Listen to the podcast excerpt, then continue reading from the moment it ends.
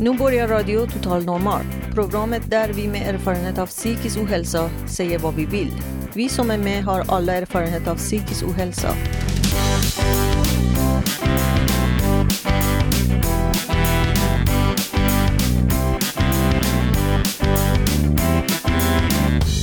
Du lyssnar på Radio Total Normal 101,1 MHz.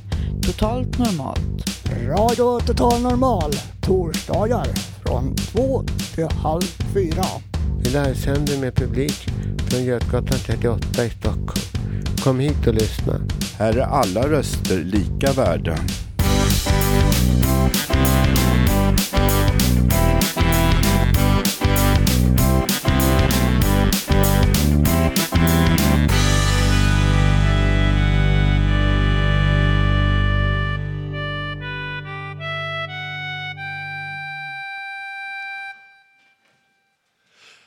Hallå allihopa och jättevarmt välkomna till Radio Total Normal på 101,1. Klockan är nu två och jag sitter här på Fountain House mitt på Götgasbacken på Söder. Och vi har en underbar publik här med oss allihopa. Ja! Ja, tack hörni. Och vi ser alla jättemycket fram emot dagens program för det är jättespännande. Och vi har nämligen, vi ska nämligen intervjua ingen mindre än Lars Ohly idag. Ska vi göra? Ja. Och dessutom pågår febril verksamhet i huset med vår egna fontänhusskola. Precis. Så vi ska då prata med studenter från öst till väst då om denna verksamhet. Och sen så blir det också stämningsfull pianomusik, också lite rap idag har vi också. Och jag som ska leda igenom hela programmet är ingen mindre än Tobias Torvid. Hej hej! Absolut.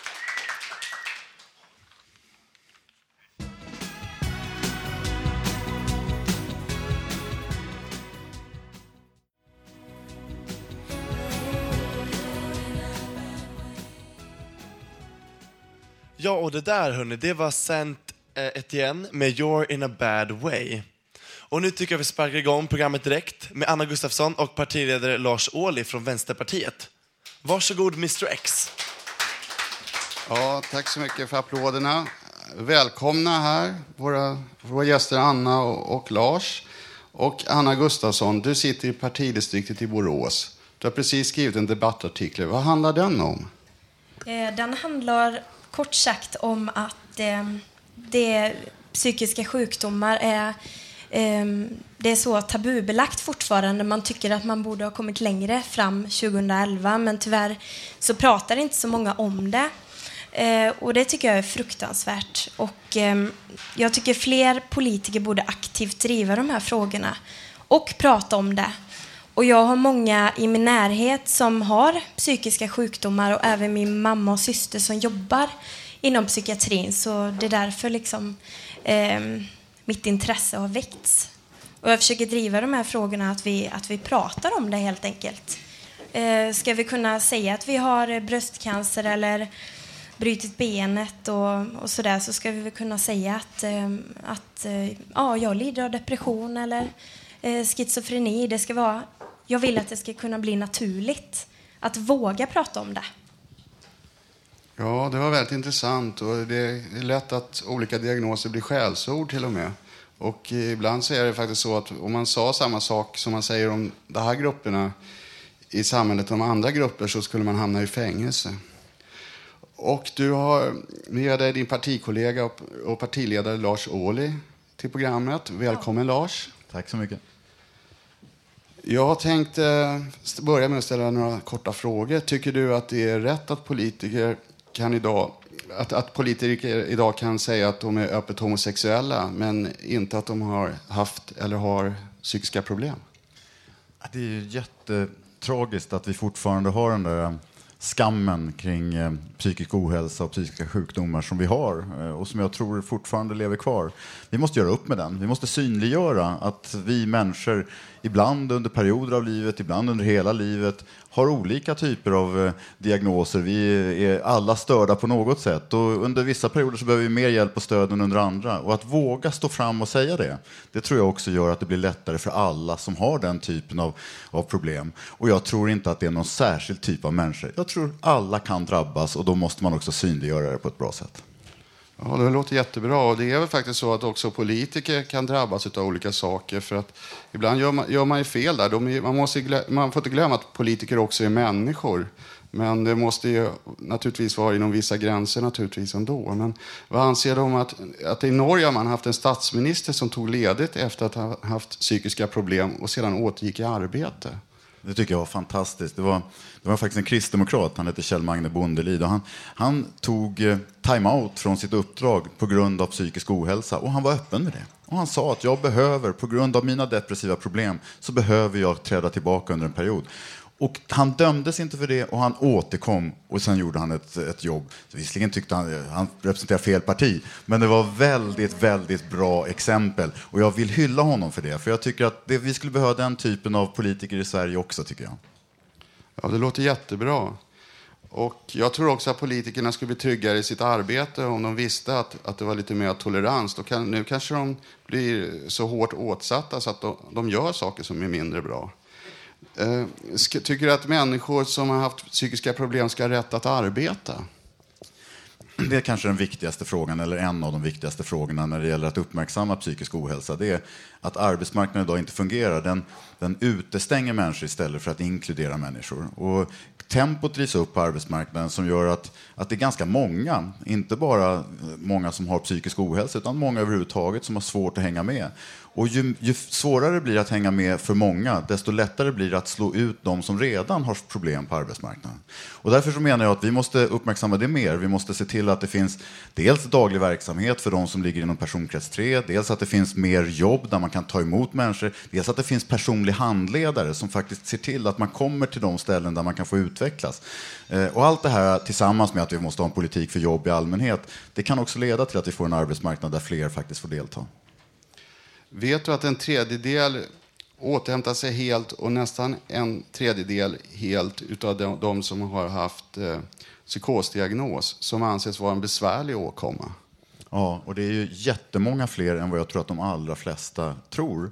Jag tror att man tror att psykisk ohälsa och psykiska sjukdomar är någonting man alltid dras med resten av livet och att man aldrig tillfrisknar, men det är ju helt galet. Eh, och många är det som har det under en period och som sen återgår i, i någon sorts fullt eh, arbete och kan, kan göra allt det man vill. Men det är inte konstigare än att man kan vara sjuk i kroppen. Alltså, ibland så är man så sjuk som man inte kan arbeta och ibland så är man så sjuk som man behöver vård. Och samma sak är det med psykisk ohälsa och psykiska sjukdomar och vi måste ha det synsättet. Ja, ekonomi är ju en viktig fråga. Och för att inte människor ska slås ut i samhället så är det väldigt viktigt. Hur kan man få en stabilare samhälle utan ekonomiska kriser som man pratar så mycket om idag? Alltså det, det, vi ser idag det är ju att hela det kapitalistiska systemet håller på att skaka till. Att eh, eh, människor drabbas av nedskärningar, försämrade pensioner, lönesänkningar i Grekland. Det kommer att hända i Italien, det händer i Spanien, i Portugal. Och det där påverkar oss också och jag är jätteorolig för det. Därför att eh, det är ingen som, som tror jag välkomnar den här typen av kriser där människor far illa. Samtidigt så är det nog ett uttryck för att någonting är galet i vårt ekonomiska system. Där några få har kunnat berika sig rätt mycket på skattesänkningar, korruption, på att faktiskt bli väldigt rika medan andra inte har fått någonting. Jag hade partiledardebatt i riksdagen igår och då, då uttryckte jag det så här att det här är en fest där eh, inte alla har blivit bjudna, men de som inte är bjudna har fått betala notan. Och lite grann är det så. Alltså, alla de som inte fick vara med på festen, alla de som inte fick käka gott och dricka gott och ha kul, de får nu stå där och pröjsa för det som andra har haft kul för. Och så kan vi inte ha det. Så jag tycker vi ska, vi ska fördela om helt enkelt, så att de som har mycket betalar mer och de som behöver mer kan få det istället. Ja, det är också intresse för rika människor. För att i vissa delar av världen, som i Sydamerika, så här, måste man ha personliga vakter och så. De rika, när de ska ut, ut och åka runt i samhället och handla. De känner sig, det blir som ett förgyllt fängelse. Medan i Sverige så hoppas jag att Lars Ohly kan åka tunnelbana. Tack och lov kan jag det fortfarande. Eh, och de enstaka gånger då, då Säpo har några synpunkter på det, då blir jag jättesur. För jag tycker inte om att åka i en eh, bil med tonade rutor. Det är liksom inte så vi ska ha politiker i Sverige. Vi ska kunna vara ute, gå på gatan, åka tunnelbana och buss precis som alla andra. Tror det är bra om staten äger andelar i svenska industriföretag och banker för att stabilisera dem och kanske få ut en del av vinsten till statskassan som man inte bara behöver finansiera med skatter som man tar ut. Eftersom det är väldigt tabu här med skatterna i Sverige just nu. Jag har så svårt att förstå det här att när bankerna krisar, då ska alltid vi skattebetalare stå där och vara beredda att betala en jättedyr nota. Ni vet när finanskrisen 2008, då, då fattade riksdagen beslut om att 1500 miljarder fanns som en garanti för att bankerna skulle överleva. Nu behövde inte det användas, men bara det att vi ställde upp med skattebetalarnas pengar om det skulle krisa, det visar att det är något galet, för vinsterna får vi aldrig del av. Bankerna går ju med miljardvinster varje år när det går bra. Och de vinsterna hamnar i privata fickor. Och då menar jag, man kan inte ha ett samhälle som står för förlusterna och privata ägare som tar hem vinsterna. Det blir helt galet.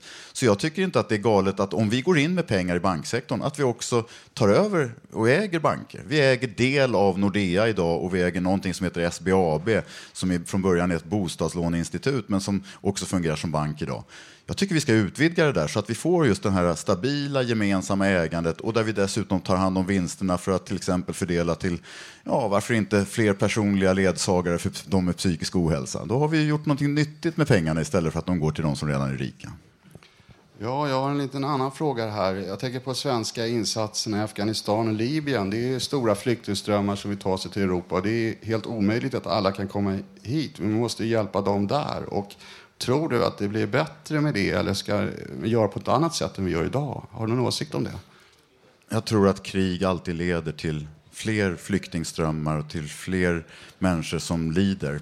Eh, och det är, svenska soldater i Afghanistan de leder inte till någon uppbyggnad eller till att man får fred och säkerhet i Afghanistan. Utan jag tror att det är, det är tvärtom. Vi ska satsa mer på bistånd och civil verksamhet och diplomati i de här länderna. Därför att det är på det sättet som vi kan bygga samhällen starka. Och det som, jag var i Afghanistan i mars och det som jag märkte verk, verkligen behövdes, det var ju skolor. Det var sjukhus, det var transporter, det var vägar. Det var ju sånt som vi skulle kunna bidra med, därför att vi är väldigt bra på den typen av bistånd. Istället så skickar vi ner soldater och våra soldater kostar ungefär en och en halv miljard per år och biståndet kostar en halv miljard. Det är inte rimligt att en fjärdedel av våra pengar går till bistånd och tre fjärdedelar till militärer. Eh, jag tror att vi ska ändra det där så att vi gör tvärtom eller kanske helt sluta med den militära verksamheten och bara satsa på bistånd istället. Sen har jag en fråga vad ni tror, Anna och Lars. Är det så att klass, klassamhället som vi lever i orsakar psykisk ohälsa för svenska folket? Ja, det tror jag. Ehm, jag tror att ehm, överhuvudtaget ehm, ökade klasskillnader skapar, när det skapar större klyftor så skapar ju det en ohälsa och fattiga människor eller psykiskt sjuka människor som inte, inte har så mycket pengar eh, känner sig diskriminerade, utsatta och eh, misstrodda. Att, eh, att man inte har rätt till pengar från Försäkringskassan och så vidare för att man att man inte är värd någonting liksom. Eh, med den här borgerliga politiken, tyvärr, så blir man ännu mer utsatt då som, som fattig och sjuk. Var det ett bra svar? Ja. Precis, precis som Anna säger så tror jag att man måste se helheten. Det är inte, vi är inte psykiskt friska och psykiskt sjuka. Vi är människor med en mängd olika liksom, förbindelser i samhället och sådär. Och det som vi ser, det är ju att fattigdom ökar risken för att faktiskt inte klara av den stress som, som, som livet innebär. Och det ökar risken för missbruksproblem, vilket i sin tur förstärker risken för psykisk ohälsa. Och allt det där hänger ihop. Och därför så måste vi börja, vill vi ha människor som kan leva bra liv och som kan ta ansvar för sina liv och som kan vara lyckliga i sina liv, då gäller det nog också att se till att vi fördelar om så att alla människor känner att de kan vara trygga med att de finns i ett samhälle där de behövs på arbetsmarknaden. De har en välfärd som träder in den dag som de behöver den och så är det inte riktigt idag.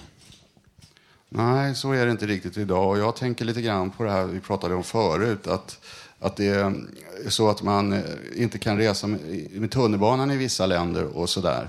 Och eh, det, det, kan vi fortfarande idag. Det ska vi vara glada för. Så därför måste man tänka sig för när, när, när, man ska ge oss arbete och så vidare. För att då blir vi en del av samhället och då blir det ett bättre och lugnare samhälle. Inte bara våra grupper, utan alla grupper. Mm.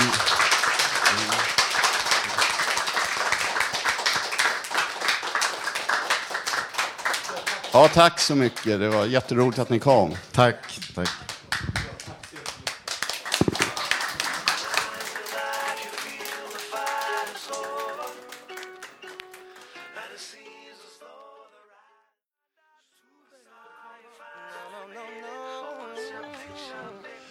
Nu, ja, och den här låten som vi hörde efter den fantastiska intervjun med Lars Ohly och Anna Gustafsson var Craig David, Rise and Fall.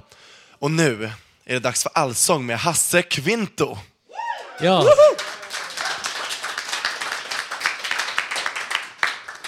Jag tror alla känner till I natt jag drömde. Det är en klassisk eh, låt som Hepstars, de sålde mest skivor med den på 60-talet. Och eh, jag var ute för 20 år sedan på Ängelen och Mosebacke och då gick det jättebra med den här sången så jag hoppas det ska gå här också. Okej, okay. Har, har, ni fått texten, några stycken av er? Ja. Jag tror ni kan den här sången. Okej, okay, jag drar igång. I natt jag drömde något som jag aldrig drömt förut. Jag drömde det var fred på jord och alla krig var slut. Jag drömde om en jättesal där statsmän satt på rad. Sen skrev de på ett konvolut och reste sig och sa Allihopa nu klämmer vi. Det finns inga soldater mer. Det finns inga gevär. Och ingen känner längre till det ordet militär. På gatorna gick folk omkring och drog från krog till krog. Och alla drack varandra till och dansade och log. Lite tystare nu. I natt jag drömde något som jag aldrig drömt förut. Så klämmer vi. Jag drömde det var fred på jord och alla krig var slut. Jättebra! Succé!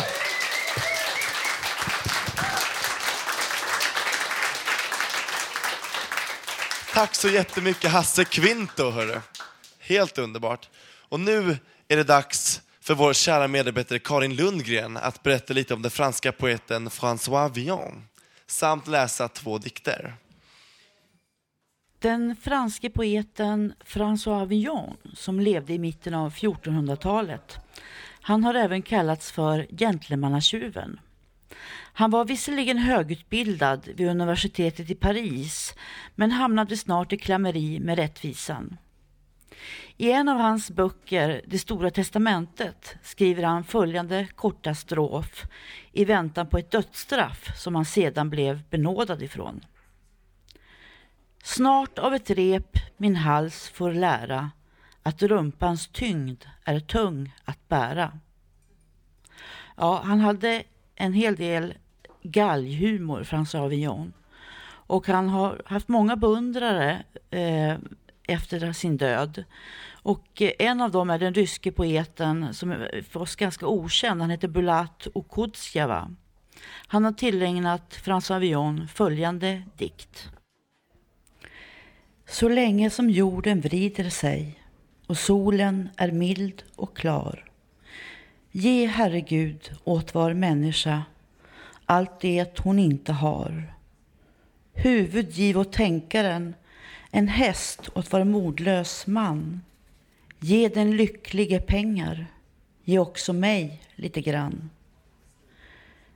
Så länge som jorden vrider sig, Gud med din stora makt, låt strebrarna som klättrar bli mätta på sin makt.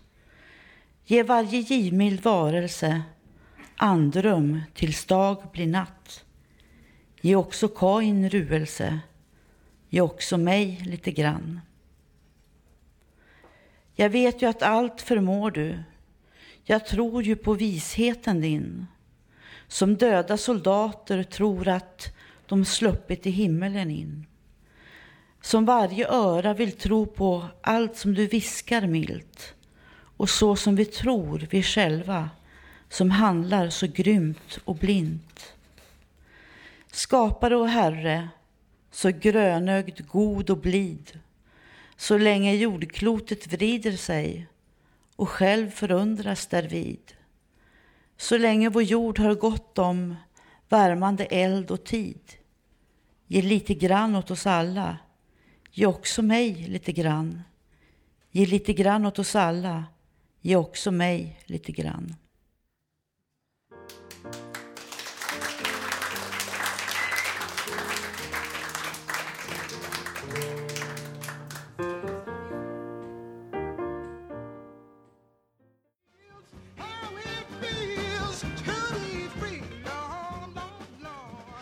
Ja, och den som sjöng det där, det var Nina Simone med titeln I wish I knew how it would feel to be free. Och på tal om frihet så har vi hela veckan eh, haft fullt hus här på, Fontän, eh, på Fontänhuset på grund av Fontänhusskolan. Och nu vill jag såklart reda på lite mer om vad det är och vad ni gör. Och här för att reda ut det hela så har vi Stina, medlem i Falkenbergshuset och Daniel, socionomstudent från Ersta Sköndals högskola. Välkomna! Ja, hörni, berätta, vad är det som pågår här i huset? Eh, ja, Daniel. ja, här i huset, eh, fontänhuset eh, på Götgatan här i Stockholm har vi eh, eh vistats nu i en vecka och dels har vi då också varit på eh, socionomprogrammet på eh, Sköndal. Och träffat, eh, jag har träffat då, jag som medlem i Fontänhus i Falkenberg har träffat eh, de studerande. Ja, Daniel då, bland annat. Precis. Ja. Precis. Ja. Det är jättekul att få, att få tillsammans att få gå den här uh, kursen. Ja, jag, jag tycker också det är jättehärligt att få träffa eh, studenter som, som eh, jag känner brinner för, för den frågor som handlar om, eh, om eh, ja, oss då som brukare, eller vad det nu kommer att kallas för. Ja, precis. ja. Eh, ja. Det är jätteskönt att få, också att få gå här på Fontänhuset här och få se ett positivt exempel av, av, av medlemmar som tillsammans gör saker. Och det, det, det, det är så skönt att få, att få ha det som vi socionomstudenter har gått nu, i, vi är inne på femte terminen. Vi har läst så mycket teori och vi har ändå inte varit ute i praktik. Och det är så skönt nu att verkligen känna hur, hur eh, pengen trillar ner och kopplar ihop teorin och praktiken. Och det är otroligt skönt.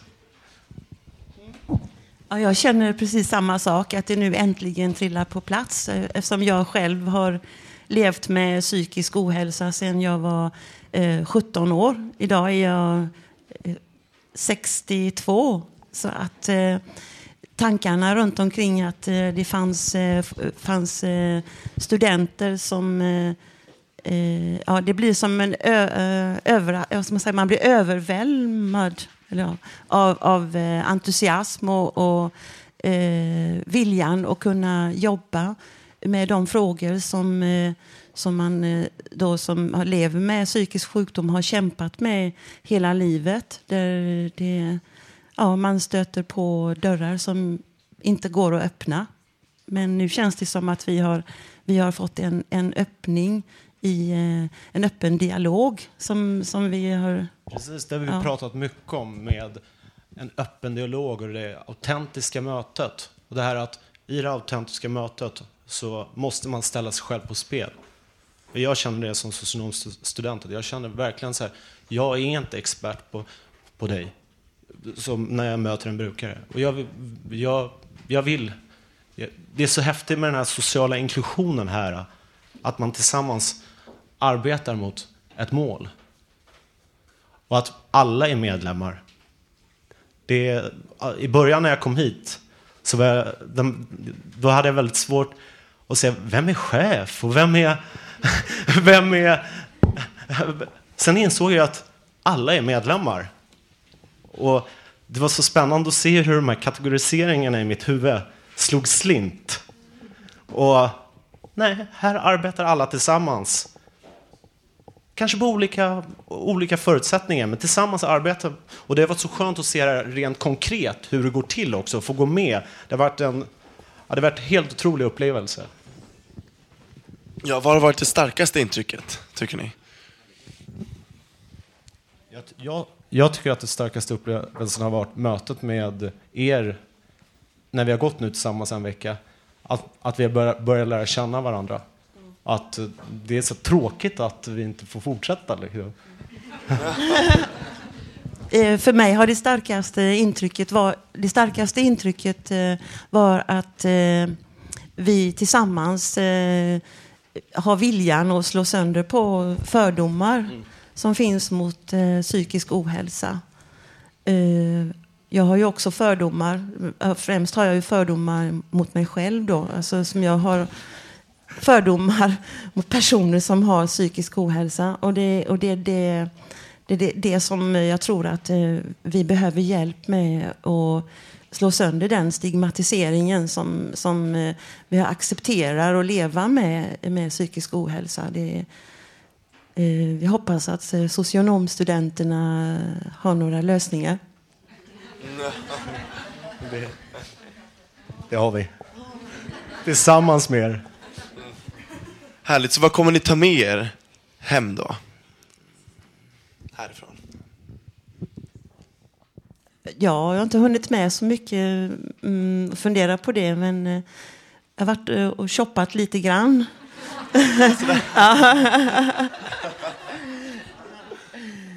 Det blir naturligtvis jättesvårt att, att, ta, att sortera ut alla intryck och det som har varit, eh, speciellt då när vi har vistats på skolan. Och man deltagit i föreläsningar och eh, varit i diskussioner i workshop och, och arbetsgrupper. Eh, och det, ja, det, det ska bli intressant att fortsätta det, eh, tankarna runt omkring vad vi ska kunna se komma ut av det här i framtiden. Vi ska ju tillsammans hålla ett seminarium imorgon. Så att, eh, det, är det, vi- det är det vi har lite tankarna på just nu. Och det, vi ska hålla det för de andra studenterna som inte har fått förmånen att, att gå tillsammans här på Fontänhuset. Och det känns kul nu, att nu tillsammans arbeta mot det här målet att, eh, att eh, hålla det här seminariet och sprida kunskaper, de kunskaperna kring psykisk ohälsa som Fontänhuset har och kunna bryta skammen kring det här och de ja, fördomarna. Ja, precis. Och jag, min förhoppning är ju också att, eh, att eh, speciellt nu då eh, Sto- eh, Stora Sköndal ska kunna ta emot eh, studenter då, eh, även från, eh, från eh, Fontänhuset i kanske i en annan form än som vi, eh, som vi kallas för senior students, alltså seniormedlemmar då, att de yngre också kan komma in och få studera med, med på skolan. Det tror jag faktiskt att de andra studenterna skulle... De, jag, jag, nu talar jag för alla studenter här. Jag, tr, jag, tror att, jag tror att de skulle vara väldigt positiva till det. Jag, jag tänkte på igår, när vi hade föreläsningen igår. Det var så skönt att se den blandningen. För att vi börjar bli lite trötta på varandra, vi studenter ute. Vi vill ut i verkligheten. Ja, tack så jättemycket Stina och Daniel. Tack så jättemycket.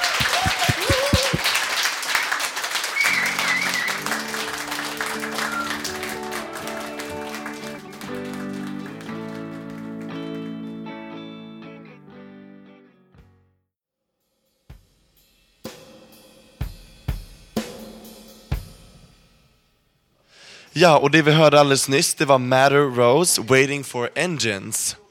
Och nu har det blivit dags för Katrin Loford, som idag inte har ett eget inslag, utan kommer att intervjua Thomas Magnusson, som är programledare på Radio Fontänen i Malmö.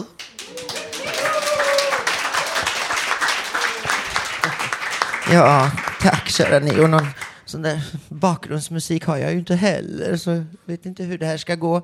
Och sen kom ju Lars Ohly in här och herregud, ja det är så mycket nu. Det var så roligt förstår ni, för tänk, jag fick nu möjlighet att överlämna vårt då ganska berömda fontänblad till honom och inte vilket av dem som helst utan April där självaste drottningen pryder omslaget. Det var väl lite lustigt med tanke på, ja, Vänsterpartiet och drottningen men hon är faktiskt hedersmedlem här sedan 2003 och jag, jag, jag är opolitisk så det har ju inte med det att göra. Men det kändes så roligt att få ge just Lars Ohly det augusti, ähm, eh, aprilnumret och så fick han även då augustinumret.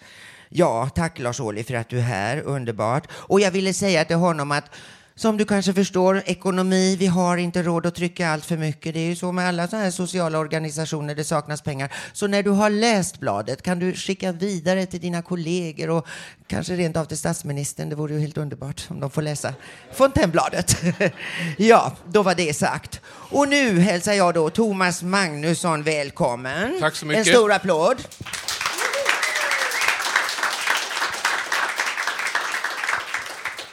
Ja, du kommer ju från vår systerkanal i Malmö och som heter Radiofontänen. Och nu vill jag först fråga dig, vad har dina intryck varit? Eh, eh Ja, dels här i salongen hos oss och här i stan under hela veckan som du varit här nu. How was it? Det har varit väldigt fantastiskt. Vi har varit i Gamla stan. Det är man så sällan här i Stockholm så att det är kul att vara på besök i den kungliga huvudstaden, om man får säga. Eh, Det har varit mycket intryck. Eh, jobba med studenterna har varit jättekul. Eh, vi har eh, Fontänhuset är fantastiskt. Ni ska ha en stor eloge för Fontänhuset. Alltid kul att vara på resande fot och eh, det är ehm, väldigt spännande att hålla ett seminarium imorgon på Sköndal. Ja, det är det det handlar om, Sköndal och Socialhögskolan. Men jag vill ju också höra hur det är att vara programledare i Malmö. Det är väldigt, väldigt stimulerande, men man är alltid så nervös när, när det börjar närma sig. Men när man får lite uppvärmning så brukar allting lossna så småningom. Mm. Och vad har din medverkan där rent personligen betytt och gett dig hittills? Alltså att jag kan uppträda offentligt, det, är- det är en liten push att man faktiskt kan eh, gå ut i sändning och ändå känna sig ganska så lugn. Mm. Då kan man ju också fråga sig, hur är det där i radiosalongen torsdagar? För som jag hörde här så sänder ni väl just nu och hur går det då utan dig? Du sitter ju här. Det kommer gå jättebra. Jag är helt övertygad om. Det var lustigt, en gång så var det, trodde jag att jag var i sändning, så efter 21 minuter så sa de nu först är vi i sändning. Så vi hade bommat de först, 21 första minuterna. Ja. Sånt ja. händer. Ja, precis. Du får väl be att de klipper in det här inslaget Ja, i er sändning kanske. Ja, för vi har ju pratat om att utbyta eh, sändningsinslag. Och erfarenheter, ja. Ja, precis. Och jag som var på Åland i somras, där var också radioprojekt på gång. Och jag kan ju hälsa till Åland och Pelarhuset i Mariehamn om ni nu lyssnar.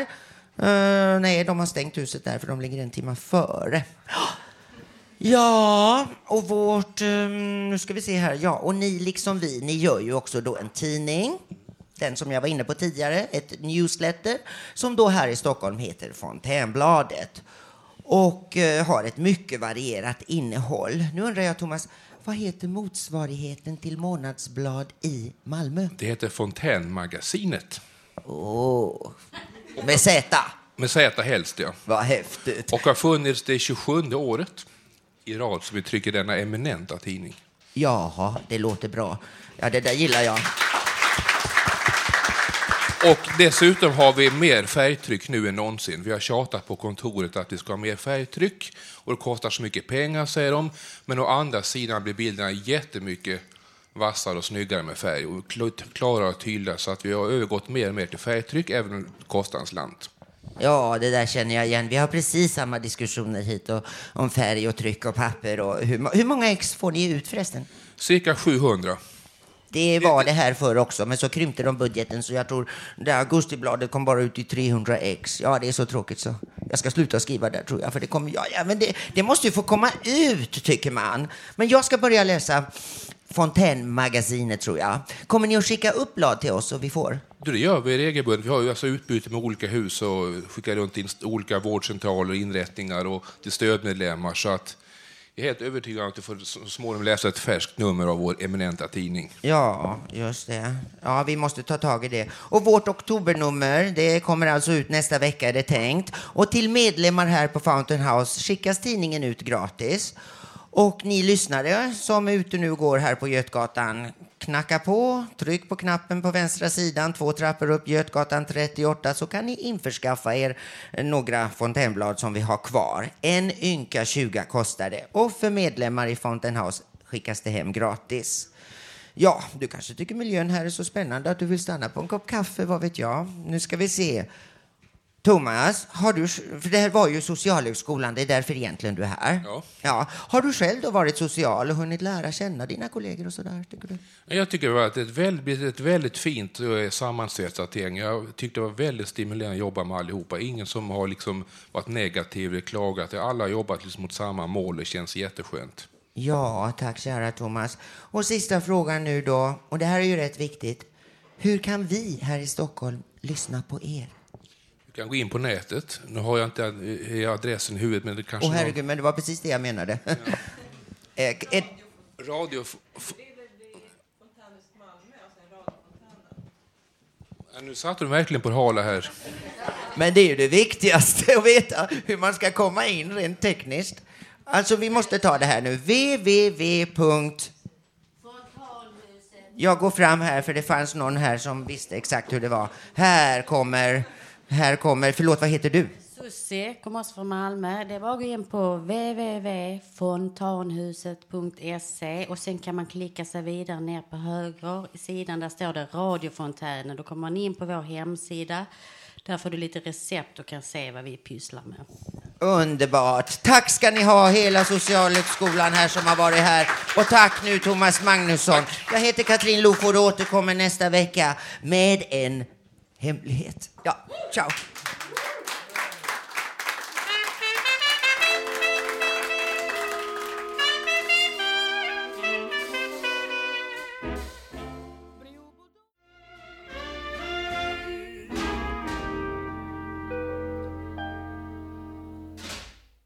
Ja, allihop. Den där ljusa stämman känner ni säkert igen. Det var Ella Fitzgerald med Dream a little dream. Och jag vet inte om ni tänkte på det tidigare, det var tre programledare på scen samtidigt. Här tidigare. Lite mäktigt va? Ja. Förra inslaget, det var en ära faktiskt. Men nu är det dags för min redaktion att träda fram, Ungredaktionen. Och först ut är Erik med sin rap Förortsapan.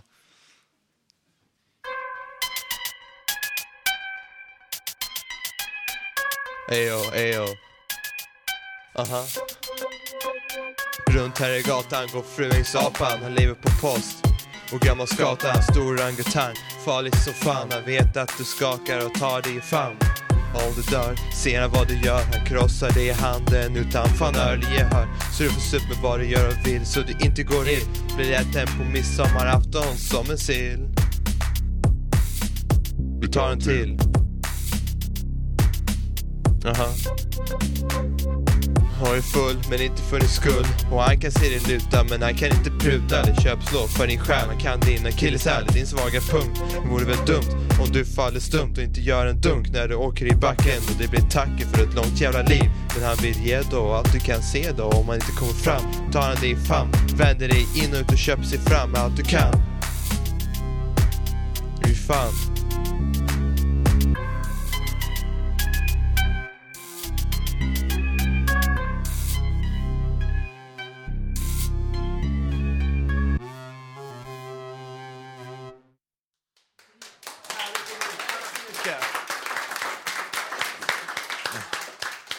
Bra där. Nu är det Stefans tur att läsa en krönika om hur det är att flytta hemifrån. Ja, tackar. Eh, jag vill berätta om när jag flyttade till min egna lägenhet. Min första egna lägenhet från Gröndal till en tvåa i Bromma. När det närmade sig dagen då jag skulle flytta, nu i september, då var det en glädjens dag för mig. Jag fick nycklar på mäklarkontoret och jag pratade med den tidigare boende på adressen om bland annat det här att eh, bordet var kvar i köket. Eh, det fanns ett bord i köket som var fastskruvat på plats. Då. Så att eh, då fanns det i alla fall en möbel där. Då.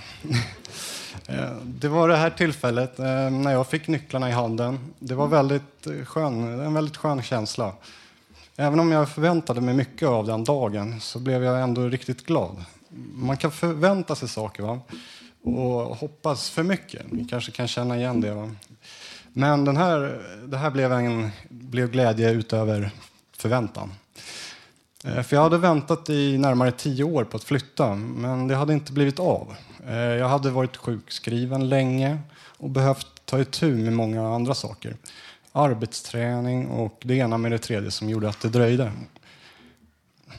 Och sedan åkte jag ut dit till min lägenhet. Jag hade med mig några saker hemifrån Gröndal och jag köpte diskmedel och läsk på vägen. Mm, kvittot här, så ska vi se. Och även eh, hushållspapper och toapapper. Faktiskt två för 35 kronor.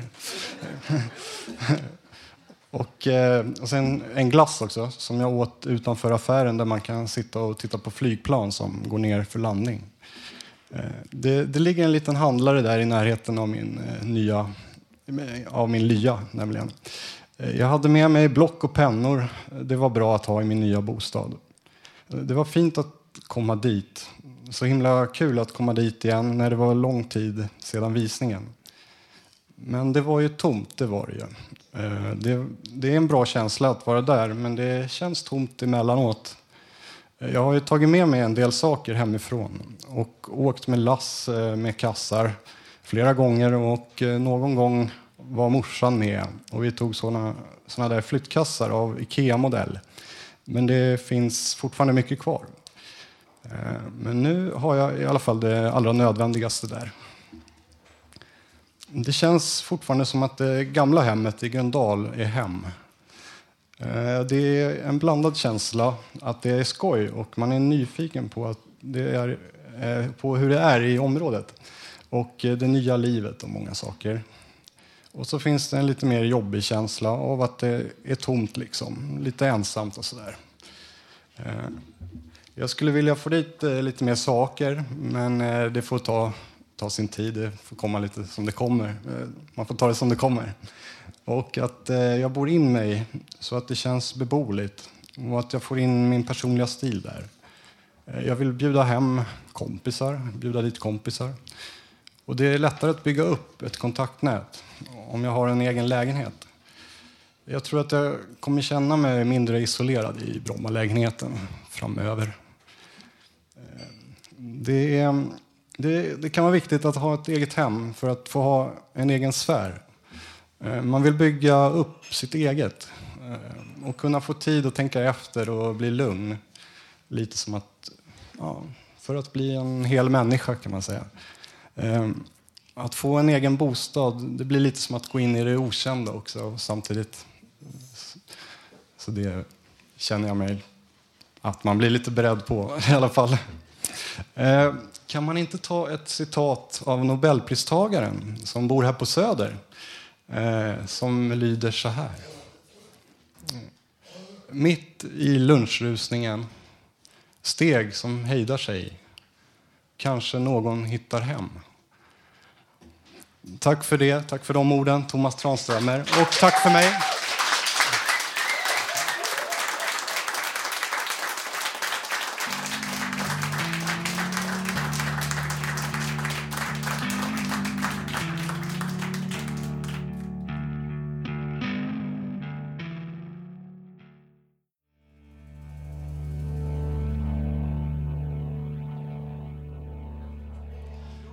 Det där gott folk, det var Blur, No Distance Left to Run. Och nu spetsar vi öronen allihopa, vi som gillar mat, och vem gör inte det? För nu kommer återigen ett smarrigt recept från vår alldeles egna kock Håkan, här på Radio Total Normal.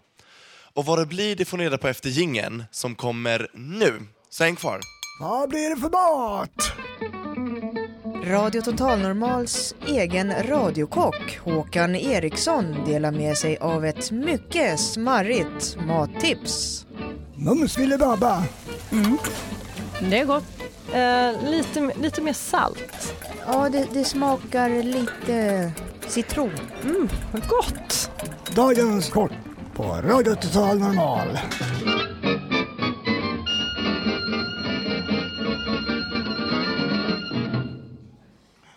Ja, hej! Alla lyssnare. Idag kommer det bli Håkans kycklinggryta med sting. Koka blandade grönsaker i buljong. Valfritt om ni har köttbuljong eller vad det nu är för buljongtärning jag har. Tärna kycklingen och bryn den i lite margarin i panna. Och sila av grön och eh, lägg i grönsakerna samt kycklingen i en större gryta. hälla på kokosmjölk så den täcker och blanda det. Smaka av med grön currypasta efter egen smak. Koka ris med valfri krydda till. Och ett litet tips när ni kokar riset. Koka då kokande vatten och häll över det och låt det koka en, en gång till. Då blir inte riset lika, då blir det mer luftigare, saftigare också. Och jag vill avsluta med att jag inte kommer vara här nu när, imorgon. Så vill jag tacka alla studenter som jag har fått, fått kontakt med och jag hoppas att ni kan förmedla något av vårat som vi har fått där, gett er. Och lycka till er med er studier dessutom. Tack för mig!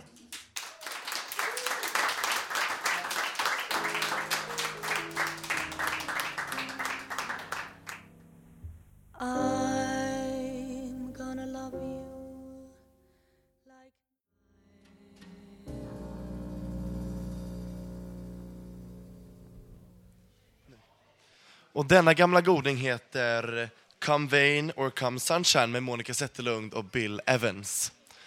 Och nu, gott folk, ska vi föra en satir med Lisa Kåreland. Och vi ska visst få nya regler från Försäkringskassan. Ja.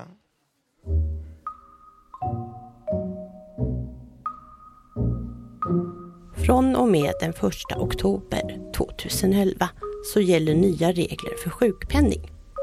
Det är kanske lite hårdare än tidigare, men klara och entydiga. Numera kan inte sjukdom betraktas som giltig frånvaroorsak. Läkarintyg kommer därför inte längre att accepteras. Kan man komma iväg till doktorn så kan man också ta till sig arbetet. Operationer Tjänstledighet på grund av operation beviljas inte längre. En anställd äger inte rätten att avlägsna någon del av sin kropp. Den utrustning som fanns vid anställningens ingående ska vara kvar och hållas i användbart skick. Om något avlägsnas sänks också den anställdes värde och lönen ska reduceras i motsvarande omfattning. Kvinnliga skönhetsoperationer som sker på semestern är däremot att betrakta som kontinuerligt underhåll.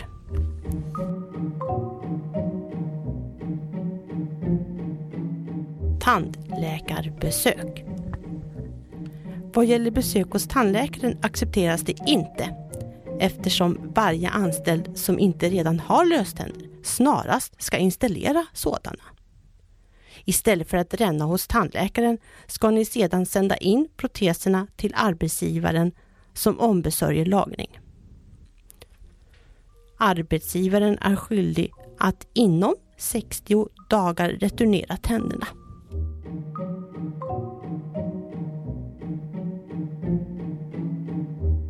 Graviditetsledighet Ledighet för graviditet och mammaledighet har helt avskaffats i de nya reglerna. Kvinnliga arbetare ska sitta med benen ihop i arbetet och arbetsgivaren är skyldig att se till att preventivmedel alltid finns tillgängligt för att dölja eventuella spår av snedsprång. Skulle någon anställd bli med barn får förlossningen ske på veckoslutsdagar och barnet tas om hand av mor eller farföräldrar. Eftersom toaletter ofta är en plats där smitta av magsjukdomar med mera kan spridas ska alla dylika behov vara avklarade i bostaden innan man går till arbetet.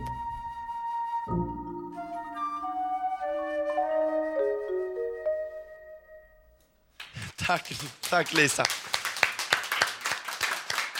Och nu vänner är det dags för vår käre Hasse Kvinto igen med en alldeles egen låt, a cappella. Ja, det här är en ny låt och den, den är väldigt kort för jag har bara fått ihop en refräng. Det är svårare att skriva låtar nu för tiden. Det gick lättare för 20-25 år sedan. Men det har blivit en refräng i alla fall. Så jag sjunger först och så kanske vi kan sjunga tillsammans sen. Så länge vi lever kan vi ha riktigt roligt, göra roliga saker och må riktigt bra. Kom igen då. Så länge vi lever kan vi ha riktigt roligt, göra roliga saker och må riktigt bra. Så länge vi lever kan vi ha riktigt roligt, göra roliga saker och må riktigt bra. Hurra!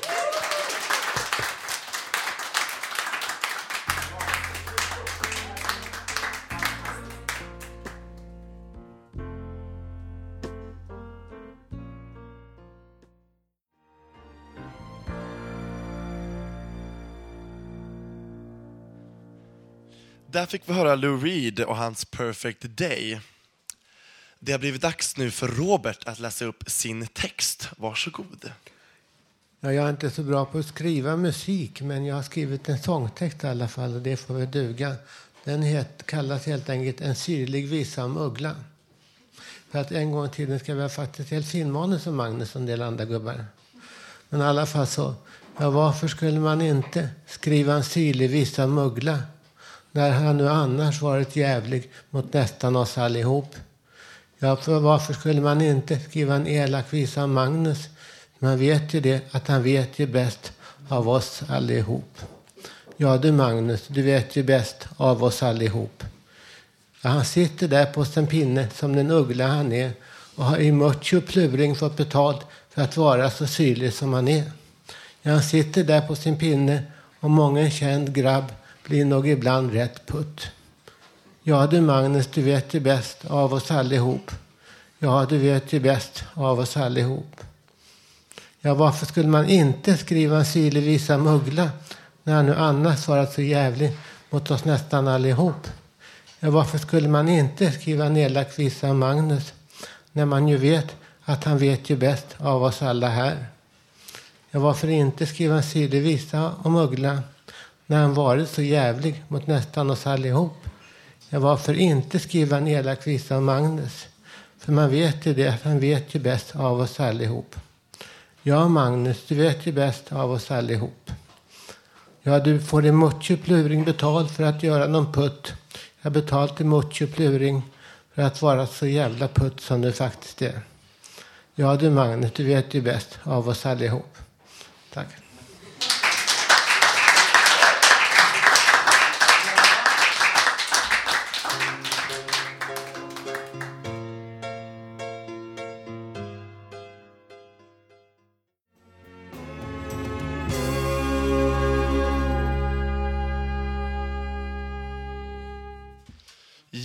Och den här låten heter She fell into my arms och det var Ed Harcourt som sjöng den. Och nu har det blivit dags för Ulf och hans dikt. Idag är fredag, oktober. Juni, juli var sommar. Jag är 58, maj var vår. Jag bor i Hammarbyhöjden. Idag är fredag. Fartygresten 1670 och var på båten kom till Engelska kanalen, sjön Atlanten, Panamakanalen. Jag var i Europa, på Sydamerika, i Hamburg, Tyskland, Antwerpen, Belgien.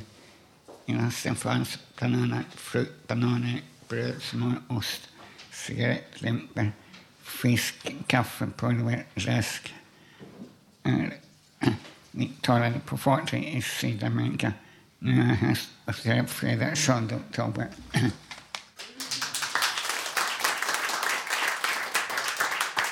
Tack så mycket Ulf. Och slutligen så skulle jag vilja vara lite spontan, för jag hör att vi har lite tid kvar. Så jag skulle jättegärna vilja läsa upp en krönika som jag läste igår som jag tycker är så vettig och tål att uppmärksammas. Och det är då min favoritkrönikör Hillevi Wahl som har skrivit i Metro igår eh, att vi borde lyssna mer på att vi måste sluta ladda fysisk ohälsa, psykisk ohälsa med så mycket skam och elände. Och istället borde vi leva mer efter Steve Jobs filosofi, fokusera på de bra sakerna. Jag skulle bara vilja läsa de tre stycken avslutande styckena här, för jag tycker de är så vettiga. Eh, jag menar att vi måste sluta ladda psykisk ohälsa med så mycket skam och elände och koncentrera på det som är rätt och bra och friskt. Med den attityden måste vi också tala med varandra om psykisk ohälsa. Vad det är, vanliga grejer som missbruk, ångest, depressioner, sömnproblem, självskadebeteende, ätstörningar och göra det med nyfiken journalistögon. Vad spännande, berätta mer. Vad kan man göra? Var finns det hjälp? Vilka erfarenheter har du tagit med dig? Först då kan vi dra nytta av varandras erfarenheter och fatta att det här är bra grejer. Riktigt bra grejer. Och vara stolta över oss själva och varandra som hela människor. Ja? Klockrent! Applåd för Hillevi vara, tycker jag. Jättebra. Och Hillevi, om du lyssnar så är du jättevälkommen till programmet. När som helst och prata mer om det här. Vi vill jättegärna ha med dig här. Ja, och tyvärr så har vi kommit till slutet av sändningen nu. Nu är det över för denna gång och i dagens program har vi fått höra livemusik, poesi och en massa personliga intressanta texter och spektakulära intervjuer. Och tack så mycket till våra gäster än en gång. En applåd för dem. Ja, det var ett otroligt roligt att sitta med här idag. Och om ni vill göra det igen så är det bara att höra på oss igen nästa torsdag. Samma tid, samma kanal här på Fountain House på Götgatan 38 i Stockholm. Och fram tills dess kan du lyssna på oss på webben också och då knappar du in www.radiototalnormal.se. Och där kan du också jättegärna skriva vår gästbok som vi har, kom med förslag och gå jättegärna in och gilla vår Facebook-sida som vi har också och titta på våra spexiga bilder. Kan göra. Och tekniker idag, Gustav Sondén. Tack så mycket. Och producent Melinda Vrede. Och producent för Ungredaktionen Emma Lundenmark. Och projektledare Bodil Lundmark. Och så vill vi också tacka jättemycket eh, Karin och Li som har valt ut musiken idag. En applåd till dem. Och slutligen, ni som av för någon anledning har råkat glömma vem jag är, så berättar jag gärna det en gång till. Det är Tobias Torvid, heter jag. Ja. Och som de säger i Norge, vår kära grannan, ha det jättebra. Tack så mycket hörni.